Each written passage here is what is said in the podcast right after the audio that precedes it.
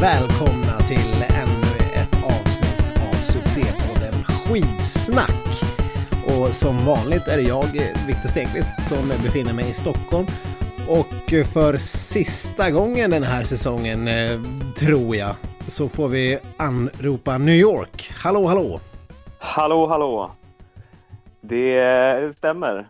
Det är ju, ja, det är ju inte så att eh, jag kommer att hoppa av här, men jag kommer att åka hem snart till, eh, till Stockholm och eh, den ordinarie skidsnackstudion. Precis, för du har alltså befunnit dig på en eh, några månader lång missionsresa för att eh, sprida skidvärlden lite grann till USA, eller hur? Ja, men precis. Det, det stämmer mycket bra. Det var därför du åkte iväg. Det är, det är väl det vi har sagt hela tiden. Ja, eh, jag har ingen statistik än på hur det har lyckats, men jag får återkomma med det. Mm. Vi, vi har ju fina så här, statistikverktyg på vår plattform så man kan se hur många lyssnare man har i alla olika länder. Vi har ju hittat några lyssnare så här i eh, eh Förenade Arabemiraten och Australien och Kenya och sådana där ställen som vi inte riktigt eh, begriper. Nej, och nu Men... förväntar vi oss en eh, stor peak på Manhattan efter det här. Eller hur? Ja, det räknar jag med. Ja. ja, vi får väl se. Ja, du har ju satt upp lappar och, och gått och allmänt bara stått och skidsnackat lite på New Yorks gator och hörn som jag förstått det som. Så att eh, eh, du har gjort ett fullgott jobb Stefan, så eh, det kommer bli trevligt att ha dig tillbaks i hemmastudion sen. Ja, men skönt att höra. Det, är ju så här, det hör ju ganska mycket till vardagen att folk bara står och skriker rätt ut på gatan här. Även mitt i natten så har jag några galningar som brukar stå mm, utanför mitt hus och prata med sina ja, eh, demoner eller vad det nu är de konverserar med. Ja, ja. Och tunnelbanan har jag också förstått är ett, ett bra medel för att bara strike up a conversation lite grann. Ja, det ja, funkar mycket bra. Mm. Så eh, vi räknar väl med eh, en eh, dubbling i lyssnare efter det här. Ja, kul. Det är kul. ju ett erkänt svenskspråkigt land det här också. Ja, exakt. Ja, men det är ju skönt att höra. Och som sagt, skönt mm. att ha dig tillbaks snart. Men ja, där har vi den här klassiska New York-ljuden för den sista gången. Det, det, det, är lite... Det känns international i alla fall, det får vi säga. Ja. Men eh, vi ska väl eh, inte hålla på och tröska det så mycket utan kasta oss in i veckans eh, avsnitt och du får väl inleda lite grann Stefan. Ja, vi kan väl börja direkt med att kliva in i minerat land kan man väl kalla det. Mm. Vi har ju bevittnat en, en stor svensk helg igen. Mm. Vi har haft Kalle Halvarsson som har sett ut som eh, någon form av Sundby i spåret. Ja. Man har knappt ens varit eh, orolig att han ska tappa segern för han har sett så extremt bra ut. Tills han tappade segern då vill säga.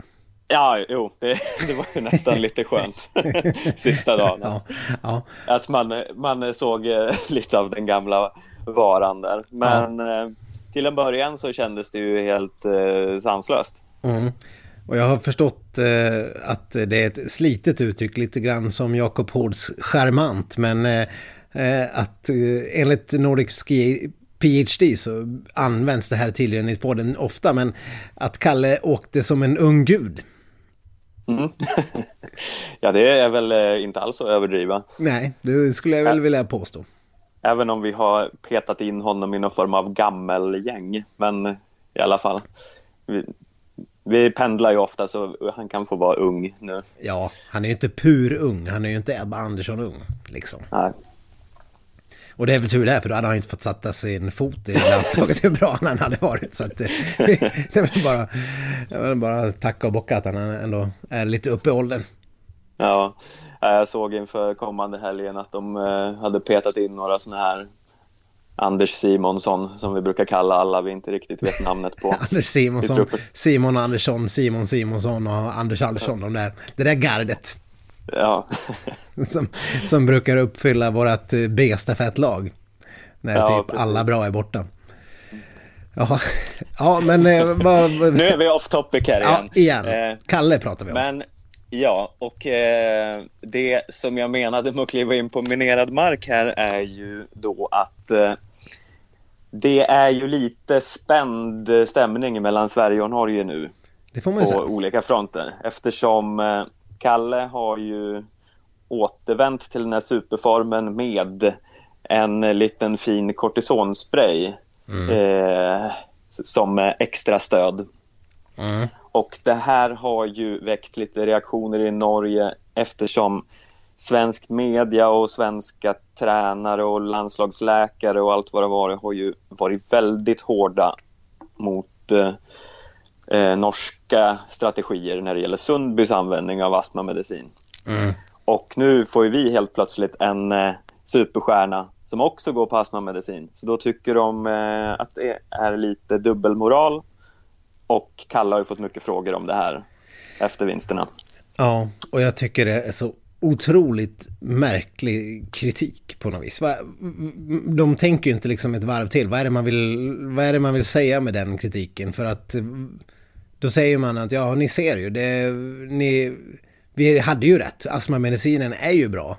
Eh, och den ger ju prestationsförbättrande effekter utöver det vanliga. Så att eh, det var ju bara ni som var dumma som inte använde astmamedicin. Det är ungefär den det man får, man får läsa in i, i att man kritiserar svensk hållning till det här med astmamedicinskt bruk bara för att Kalle helt plötsligt eh, gick och har blivit bättre. Eh, jag tycker det är otroligt eh, missplacerad kritik på något vis. Att det ens, ens blir en sån diskussion. Det var ju helt väntat att det ska bli en sån diskussion men ja, det blir ju, eh, smakar lite illa och bittert. Ja, det blir liksom en... Eh, det, man vet inte riktigt vad debatten handlar om längre. Nej, För det är ju inte riktigt själva grejen att använda astmamedicin i sig som har varit debatten. Det är ju hur, i vilken eh, grad man använder den eh, som metod Ja, men- för Precis, och det är ju det här norska, det som kritiken mot Norge har varit, har ju varit mer det här utstuderade och metodiska och, och liksom eh, föra in det i unga åldrar som någon form av naturlig del av ens eh, träning oavsett om man har någon ansträngningsastma eller inte som har varit diskussionsämnet eh, som fortfarande borde vara ett diskussionsämne kan man tycka och sen att enskilda skidåkare behöver använda sig av, av astmamediciner är ju, är ju alldeles eh, uppenbart. Det är inget konstigt alls eftersom det har vi varit inne på många gånger förut i den här podden att man eh, är det handlar ändå om en idrott som är där utövarna är extremt utsatta för just ansträngningsastma på grund av att man håller på och tävlar och tränar i de här förhållandena. Kallt och jävligt liksom och eh, konditionsidrott som det är att man ska träna mycket och länge liksom. Och eh, så just att enskilda idrottare använder sig av medicinering är väl ingen konstigt alls och det är ingen, ingen som har varit Ja, det ska vara Kowalczyk då som, som har kastat lite stenar där, men eh, jag menar, det har ju halva svenska landslaget använder sig också av astmamedicin sedan tidigare, så det är ju inget konstigt i sig. Eh, Det Nej, att, både vad är Marcus Helder, Anna Haag, Johan Olsson i alla fall använde astmamedicin. Ida Ja. Ingmarsdotter också tror jag. så det är bara att Kalle har börjat och råkar bli jättebra. Och det, sen är ju frågan liksom, har han kunnat träna på bättre för att han nu har fått någon diagnos och kunna medicinera, medicinera sig eller har själva medicin effekt? Det är ju sådana här luriga svar som man inte riktigt eh, någonsin kommer få något eh, svar på. Han eh, är ju också i den här åldern när han ska vara som allra bäst snart. Så att, eh, ja, jag vet inte, det blir bara en fånig, fånig diskussion. Jag, jag, jag vet inte hur Ja. vi ska liksom konkludera det. Nej, nej, det är nog väldigt svårt att konkludera det. Men den dagen vi börjar med astmabussar och såna här eh, Matrix-kuvöser i svenska landslaget så då ska vi väl börja oroa oss lite mer. När man, när Kalle, Kalle Anka Cup-pristagarna, pallen, får liksom varsin, varsin liten kuvös, astmakuvös. Då, då kan man börja fundera vart vi är på väg någonstans. Eh, någonstans där.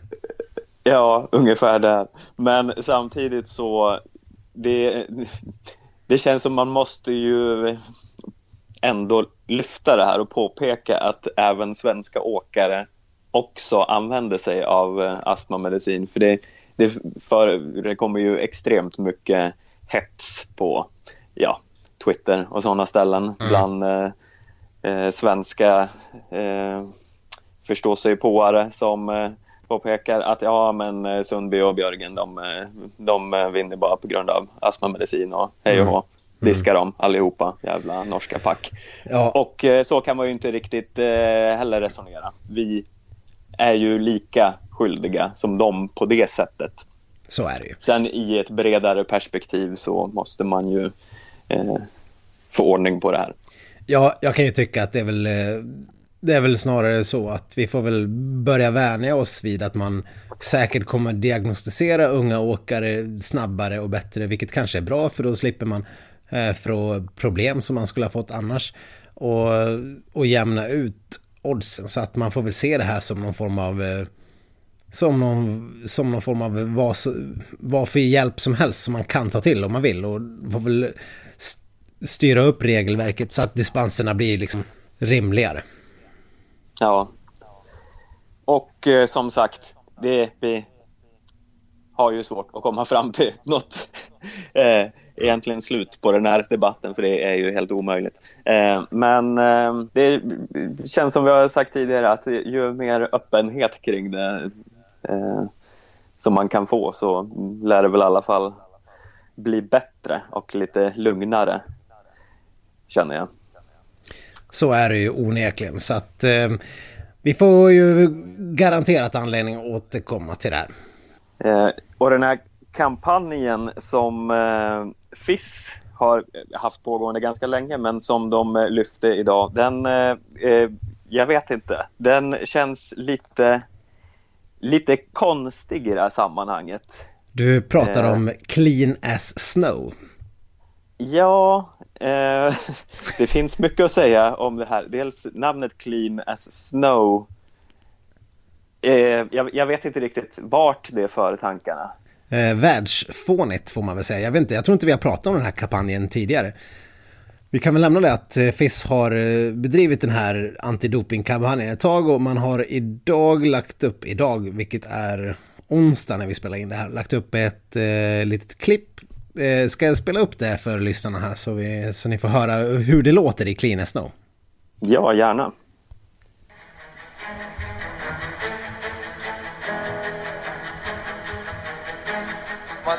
Emil Iversen and I'm from the big uh, town in Norway called Meråker and of course I'm saying no to doping. My name is Ola Vigen Hatstad. I'm doing cross country skiing. I'm from Norway and I say no to doping. Be as clean as snow. I respect the cross country sport and the family.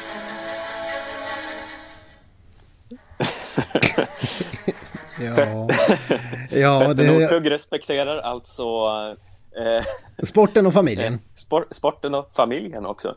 Det var ju ja, viktigt i sammanhanget. Ja, jag vet inte riktigt den här videon. Jag uppmanar alla att gå in på FIS eh, Instagram-konto och kolla in den här. Eh, så får man se något så oerhört taffligt och fånigt. Eh, och märkligt.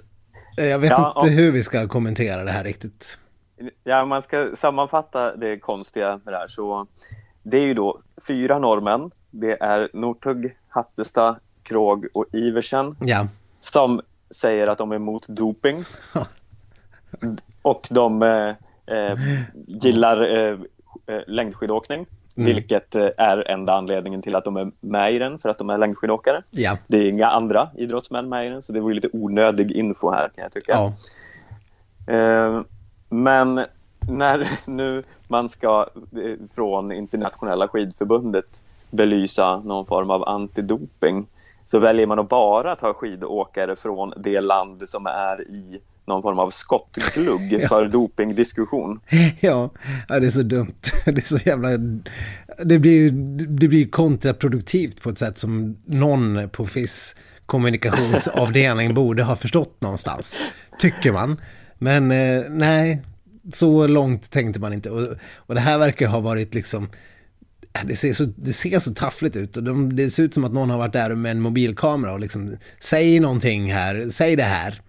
Och sen ska Iversen och, och grabbarna stå och läsa upp någonting och vara clean as snow. Bara namnet, clean as snow. Uh, ja, jag vet Ja, inte. jag vet inte, är, är snö så jävla rent Ja, för övrigt? Nej, Jag herregud. tycker det- man, man blev ju uppmanad alltid när man var liten att inte äta snö för då fick man mask. Ja, precis. Det är inte alls rent. Så att, eh, nej, nej, jag vet inte. Jag, nej, det luktar ju, det luktar fåneri långt. Och, och jag menar, det är som att de försöker tvätta sin smutsiga byk lite grann offentligt. Tror du det finns så här hemliga outtakes med Sundby och Johaug från den här inspelningen också? Som, som lämnades på klippbordet. Som rök på klippbordet för att det blev kanske lite för mycket. Skriva på näsan. Dumt. ja, jag vet inte.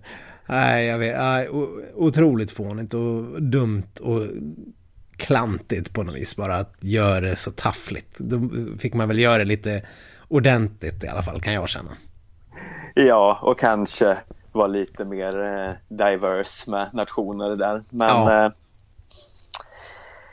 ja, jag vet inte. Men vi kan ju i alla fall ställa oss bakom eh, kampen mot doping. Så långt kan vi sträcka oss.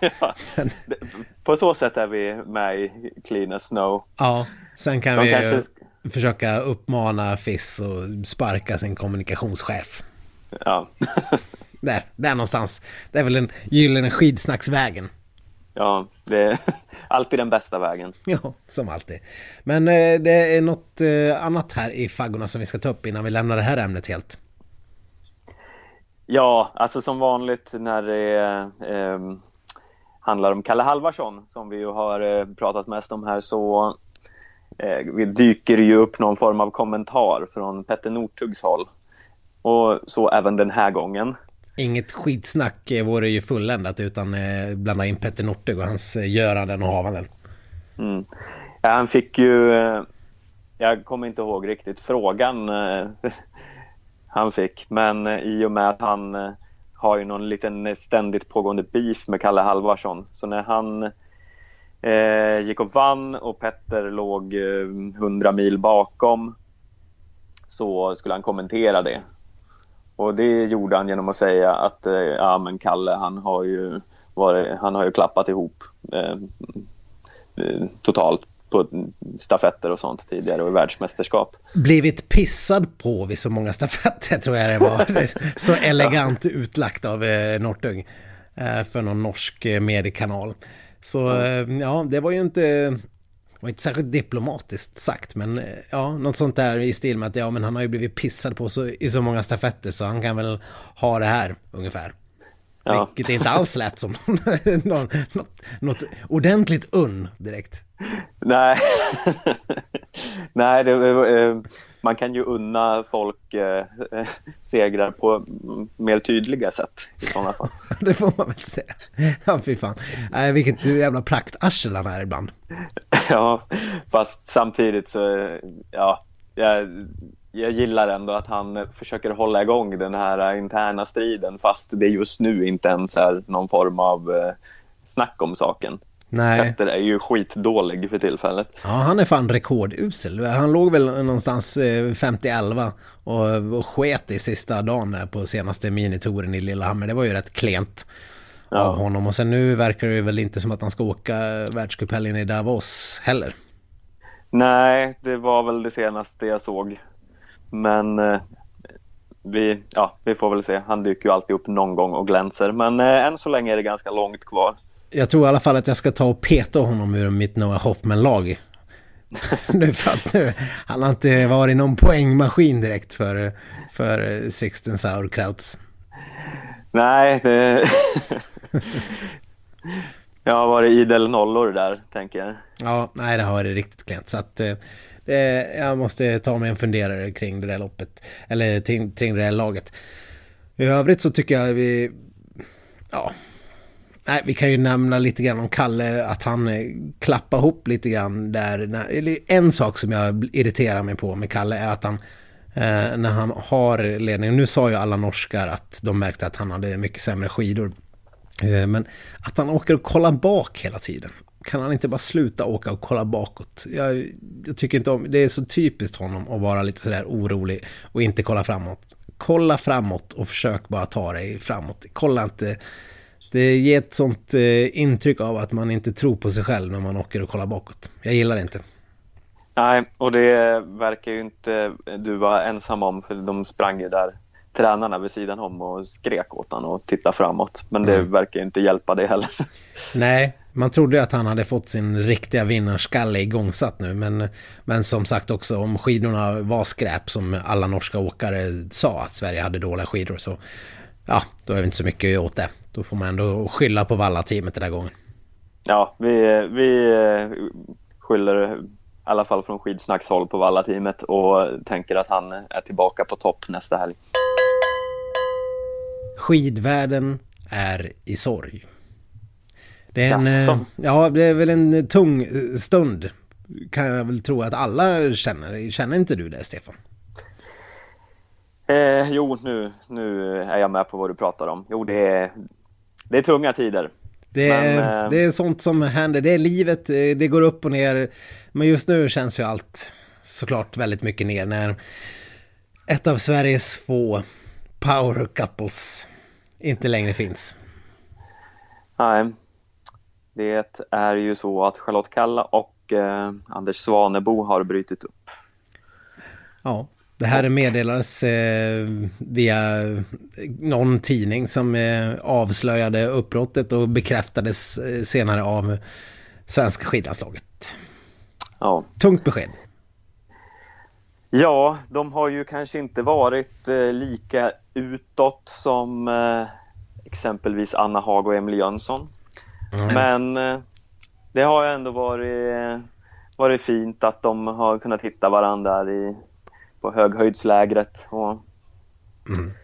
eh, jag vet inte Stefan. kärleken framåt. Jag, jag, jag, kallar det power couple. Det kanske, jag vet inte om det kvalar in som ett power couple. När, när det, I och för sig, någonstans där det är kalla så blir det ett power couple lite grann uh, hur som helst. Det är ju som att uh, Brad Pitt skulle bli ihop med ja, eh, Alexandra Rappaport. Det hade ju blivit ett power couple ändå liksom någonstans. Eh, även om, eh, även om hon kanske inte är på riktigt samma nivå som honom. Men lite grann där så blir man ju, blir man ju höjas i den andras sken. Så då, ja, så Svanebo skulle alltså i det här fallet vara Rappaport och Kallar och Brad Pitt, om du förstår liknelsen. Oh, ja, jag, jag är med på den. ja, nej, men jag, jag håller med. Det är ju lite så här, man får ju ändå slå ihop någon så här gemensam pott för att kallas ett power couple. Ja. Om vi tänker att Kalle har 1,5 och Svanebo 0,5 mm. så, så får de ihop tillräcklig poäng för att eh, komma in inom klassificeringen. Ja, och jag menar på, på skidkändisskalan eh, så är ju Kalla en tia. Ja, och ja, jag menar om eh, Kalla hade varit tillsammans med någon eh, ja, vad ska vi hitta på här då? Någon eh, skådis från eh, Andra Avenyn. Mm. Så hade, då hade det ju inte räknats ja. som ett power couple. Ja, nej. Äh, ni hör ju själva, vi behövde bara ta upp ämnet så Sixten eh, här bakom är i tårar. Otröstlig. Eh, så att eh, det är inte bara, det berör, det berör alla.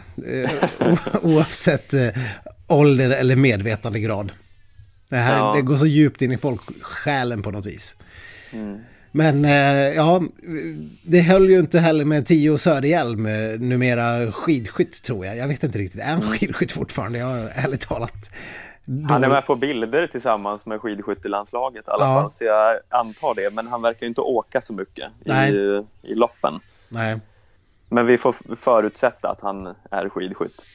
Men eh, vem eh, ser vi då som eh, näste man för rakning? Eller ja, det, det, det lät lite hårt. Men vem är den rätte för Kalla, Stefan? Ja, det är en bra fråga. Nu utgår vi ju från att det ska vara en från skidvärlden. Ja, vi var inne på jag, Falla förut. Ja, det, det hade varit kul av andra orsaker i alla fall. För att ja. det hade ju gett namnmysteriet lite mer bränsle. Och sen Men, får vi ju eh, säga att HBTQ eh, eh, världen och skidvärlden har inte riktigt mötts än. Kan jag känna lite grann. Nej, i alla fall inte utåt sett. Nej. Nu, nu ska vi väl kanske inte börja spekulera i, sånt här. Men alltså, nej, det, det lät som du var lite sugen på att börja spekulera i, i kanske svenska skidlandslaget om du har några inputs där. vilka som ska komma ut ur garderoben menar Ja, precis. Eh, nej, nej, jag tror jag håller mig borta från det faktiskt. Ja, nej, Eh, men, det, det eh, låter sunt tänkt. Ja. Men däremot, ja, om jag tänker vem jag... Eh, jag vet inte, det, det verkar ju lite tufft här, men om vi går igenom det, så här, tror du att eh, Jens Burman kan vara någon för Kalle? Nej. Jag tror faktiskt inte det.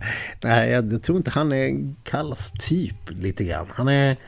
Jag, ja, jag vet inte vad jag ska riktigt säga. Tio och Svanebo. Hon vill uppenbarligen inte ha någon som, eh, som hon behöver stå i skuggan av i alla fall. Och det Nej. låter ju rimligt. Det, det finns ju inte så många namn. Då har man ju skalat ner utbudet rätt rejält redan där. Då är det ju... Ja, i, I Sverige finns det ju ingen. Då är det ju typ Sundby hon ska gänga sig med. Men han är ju, han är ju taken redan. Ja, alla är ju taken i svenska också. Helmer och eh, Kalle och Olsson och Om jag får spekulera fritt lite Ja. för övrigt så Kalle och Jenny Öberg, jag tycker inte de verkar lägga ut så mycket bilder och sånt på varandra alls längre. Eh, jag, jag har ingen aning, har, det här är din totalt ogrundad spekulation som jag bara kastar in eh, just nu, vilket är lite ovanligt för vi brukar inte syssla med ogrundade spekulationer här i skitsnack ja, det var vågat av dig. Men, Men då eh, menar du att kanske Kalle är ledig snart? Ja, inte helt omöjligt. För eh, som sagt, Jenny Öberg är ju en, eh, en instagrammare av rang och han brukar ju med jämna eh, mellanrum dyka upp i hennes flöde. Eller alltså som hon lägger ut bilder på honom. Jag tycker det var Ja. länge sedan hon gjorde det nu och eh, ja, kanske säger det någonting om deras relationsstatus. Kanske han också liksom blivit lite för mycket larger than life eh, Kalle nu när han är lite framgångsrik och hon knappt tar sig vidare från sprintprologerna liksom. Ja, Så då kanske han eh, behöver någon av Kallas kaliber och Kalle och Kalla, det ringar ju rätt bra också. Kalle och Kalle. Eh, ja, Fast det- i och för sig om de bra. gifte sig och han skulle behöva heta Kalle Kalla, det, det hade inte varit så roligt för honom heller. Eller? Nej, fast om, om hon först gifter sig med Falla och tar hennes namn och Ja. sen gifter sig med Kalle så Ja. blir det Kalle Falla. Eh, Ja, eller Kalle, Kalle, Kalle, Falla, Kalla. ja, jo. Skulle han kunna få då. Om det Ja. drömscenariot skulle utspela sig. ja, Ja, men det ja, nu, nu är vi lite ute och svävar här. Ja. Men eh, det, det blir ska vi slå då. fast att det är ju, trots att han är upptagen, då kanske så att vi tror mest på att Kalle skulle vara rätt man för Kalla. Ja, Kalle för Kalla. Det, det får bli nya hashtaggar. Ja. Vi har ju varit inne och nämnt eh, Sundby och Björgen tidigare i podden idag, men vi tänkte vi måste snacka lite mer om, eh, om det. Vad, vad har egentligen hänt med de här två forna giganterna? Ja, du menar någon form av platt fall som har drabbat dem efter den, här, eh, den här säsongen. Jag vet inte, Sundby gick ju ändå och vann här, Stefan. Ja, men jag tycker ändå att eh, man måste vinna med mer om man heter Martin Jonsrud Sundby för att det ska klassas som en framgång. Alltså, det är hårda bandage, vilka krav du ställer på, på honom ändå. Han, han vann, men han måste vinna med mer. Ja, men har man sett honom åka skidor de senaste åren så ja. är det ju här lite klent. Även om man kliver in och vinner en tre dagars tour här. Men Och Marit Björgen som har varit med om det mest omvälvande en människa överhuvudtaget kan uppleva igen, nämligen att trycka ut ett barn ur sin kropp duger inte heller för eh, Stefan Sköld. Det här krävs det bot och bättring trots att hon eh, här har varit på pallen och vunnit eh, redan i världscupen hittills. Men det duger Ja. inte för Stefan. nej, nej, det duger inte. Eh, hon, hon eh, har ju om möjligt varit, eller ja, hon har ju varit ännu mer dominant än Sundby tidigare, så det här är ju, det är ju katastrofläge det här nästan för henne. Och, och jag vill säga det, jag kollade nu ganska nyligen innan inspelningen här på en liten minidokumentär som FIS har lagt upp som heter Mamas on Ski. Mm. Som eh, handlade om Björgen, och Kicken Randall och Katja Wissner och Maurice Magnificat som eh, nyblivna föräldrar och hur det funkar och vara runt på världscupcirkusen. Har det någon eh, undertitel som eh, A Story of Losers and Failure? Eller något sånt. Nej. Ja, den borde ju ha haft det. De är ju losers hela högen. Jag menar Randall, hur har det gått? Hon eh, har ju inte ens gått vidare från sprintkval. Nej. Wissner har jag inte ens sett i någon lista. Och Magnificat har inte heller varit så bra. Nej. Nu har ju inte han fött barnet själv så det borde ju rimligtvis inte ha påverkat honom lika mycket. Nej. Men, eh, eh, nej, men det jag vill ta med mig från den här dokumentären är om jag förstår Björgen rätt här, för hennes engelska är inte top of the line. Nej, det har vi ju varit inne på tidigare här i podden. Ja, men hon sa vid ett tillfälle att hon åkte skidor så sent som en och en halv timme innan födseln. Innan Jörgen Jörgen såg i världens ljus för första gången. Ja. ja. så ja, det har vi ju förstått redan tidigare. Men träningen gick ju uppenbarligen ganska bra in på födseln. Mm. Och eh, sen eh, har träningen flyttit på bra efter också. Mm. Men du vill ändå döma ut det här som någon form av föräldrafiasko?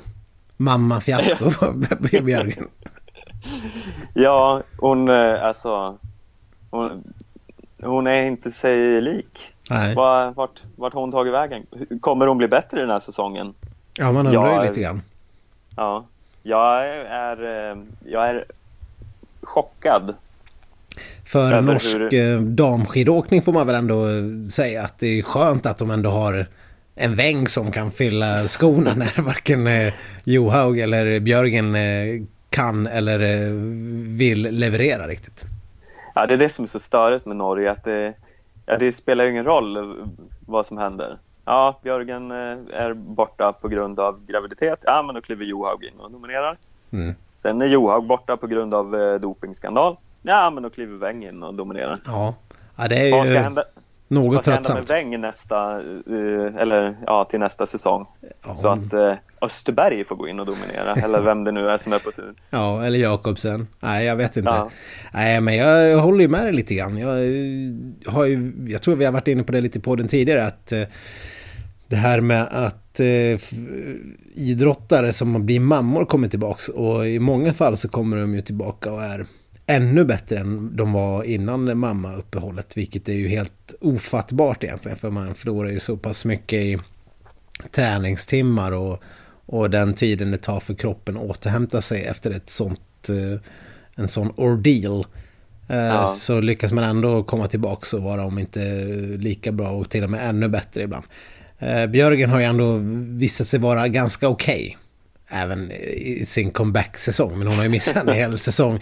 Men jag, jag, jag, är lite med dig. Jag, jag skickade väl någon form av mamma-fiasko frågetecken sms till dig eh, tidigare. Vilket kanske fick oss... Eh, fick in oss lite grann på den här vägen. Eh, ämnet. Mm. Eh, så att, eh, ja, någon liten poäng kan man ju ha där. Vi har man har ju sett henne så, som en sån oövervinnerlig kraft tidigare.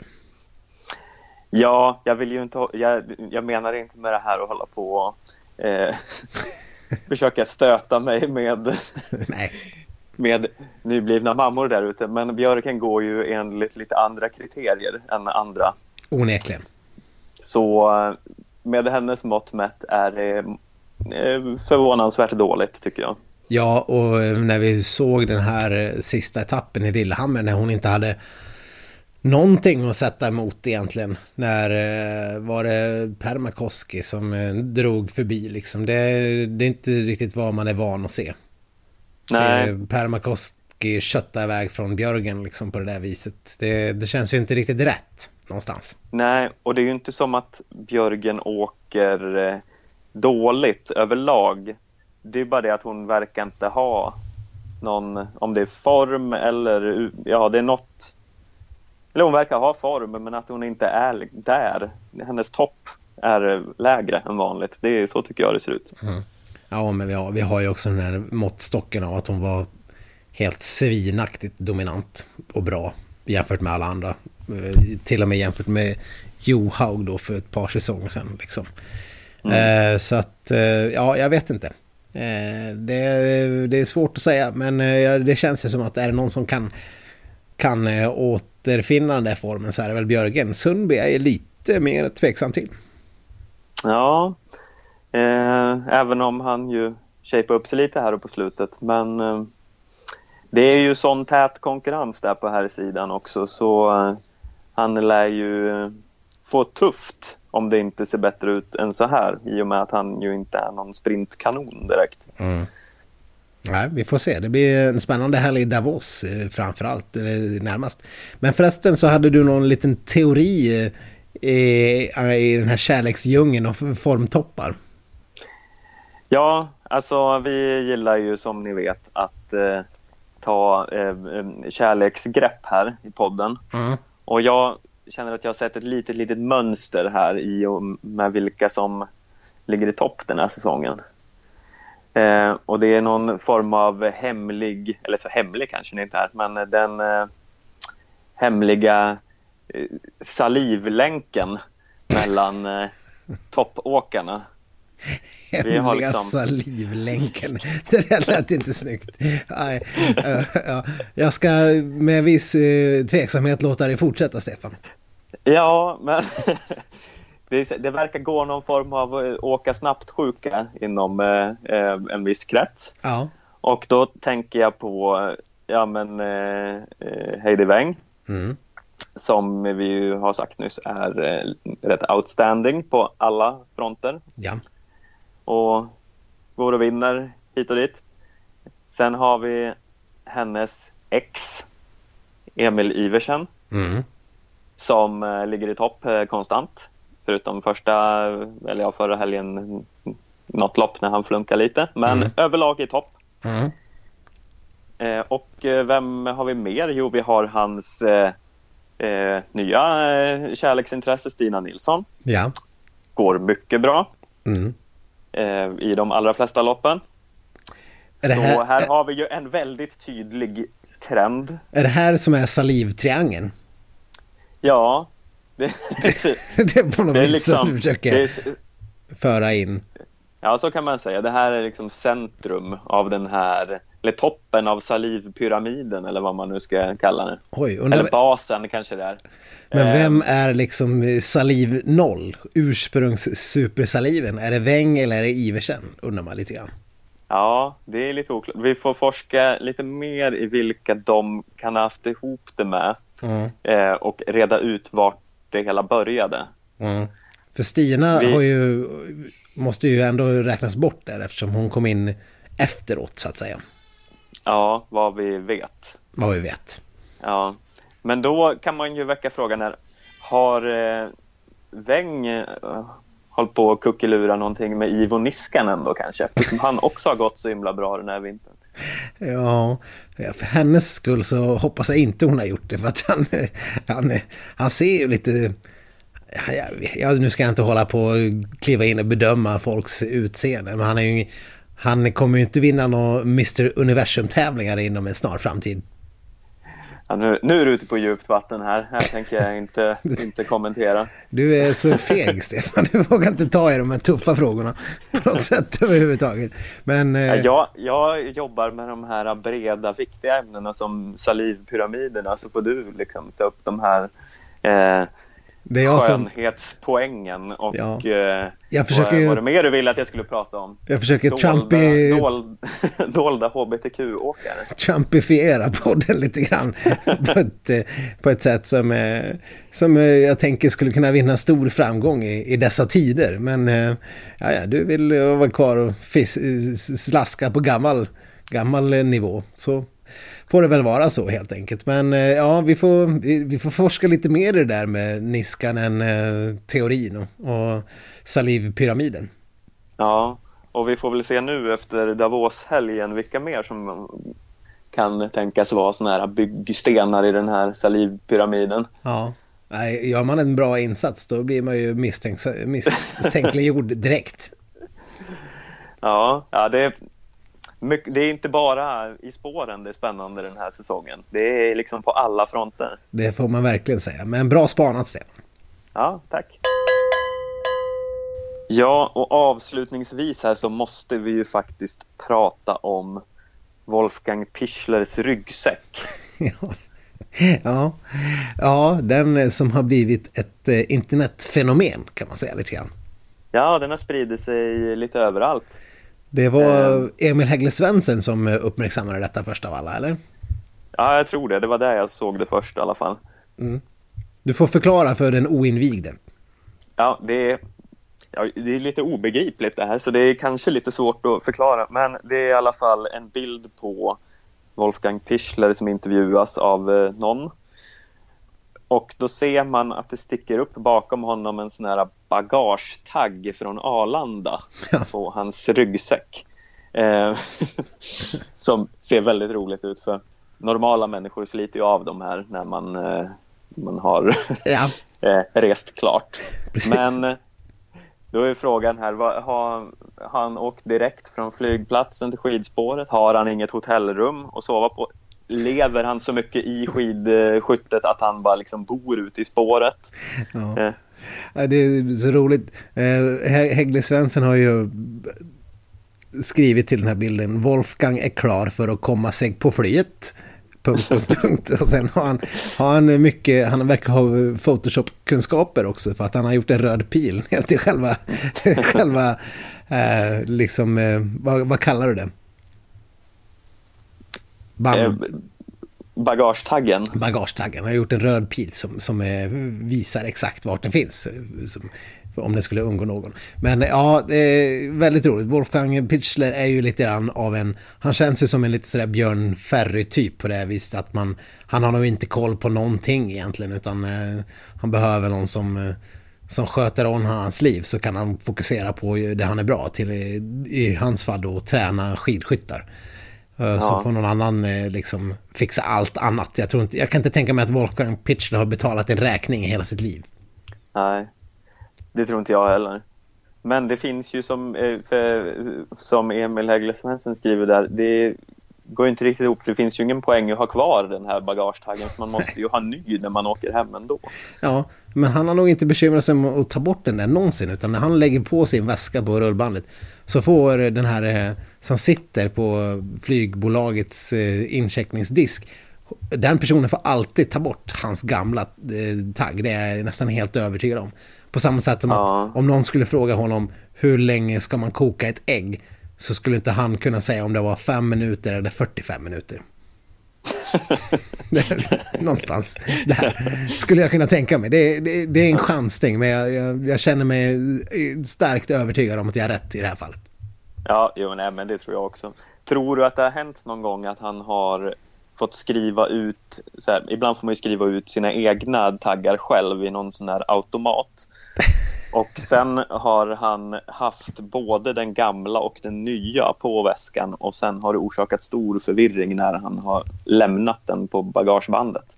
Han skulle aldrig klara av att skriva ut sina egna taggar från en automat. Någonsin. Det, det är inte en chans. Det skulle, det skulle någon atlet eller någon annan ledare få göra. För han skulle, han skulle bara stå och kolla på den där maskinen och han skulle inte veta var han skulle börja någonstans. Vadå trycka in bokningsnummer? Jag har väl ingen jävla bokningsnummer heller.